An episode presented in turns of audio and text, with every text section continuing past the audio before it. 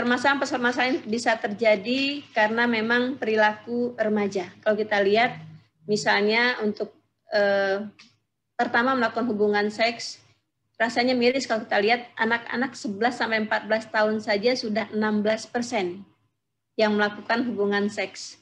Nah kalau itu terjadi, apalagi kalau misalnya perempuannya sudah menstruasi, bisa menjadi hamil, sementara gizinya belum cukup, tadi sudah digambar oleh Bapak Kepala seperti apa eh, tulang panggulnya belum siap, pertumbuhan tulangnya belum berhenti, mungkin protein tubuhnya juga belum cukup gitu ya. Ini akan melahirkan janin-janin yang tentunya sangat berpotensi untuk terjadi stunting dan menjadi generasi akan menjadi beban negara ini. Remaja sekarang kalau ngomong sama teman-temannya, mohon maaf kalau yang remaja hadir, mudah-mudahan Anda tidak termasuk di situ. Kalau pacaran cuma pegangan tangan doang tuh kayaknya nggak cukup ya. Lo katanya gitu kayaknya harus yang lain. Padahal kita tahu dengan cium bibir dan sebagainya, meraba-raba, itu adalah satu hal yang berpotensi untuk menjadikan hubungan seks di luar nikah dan akan berdampak kehamilan. Dan ini menjadi permasalahan-permasalahan berikutnya. Jadi eh, Bapak Ibu Guru, ini adalah potret dari remaja-remaja kita. Kita perlu sampaikan edukasi.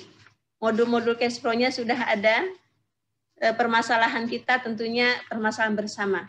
Jadi eh, mohon kiranya Bapak Ibu guru juga bisa memasukkan pemberian edukasi kesehatan reproduksi kepada anak-anak didiknya. Next, eh, dan dampak dari kami tidak diinginkan tentunya bisa terjadi aborsi. Aborsi bisa menyebabkan kematian pada ibu dan anak.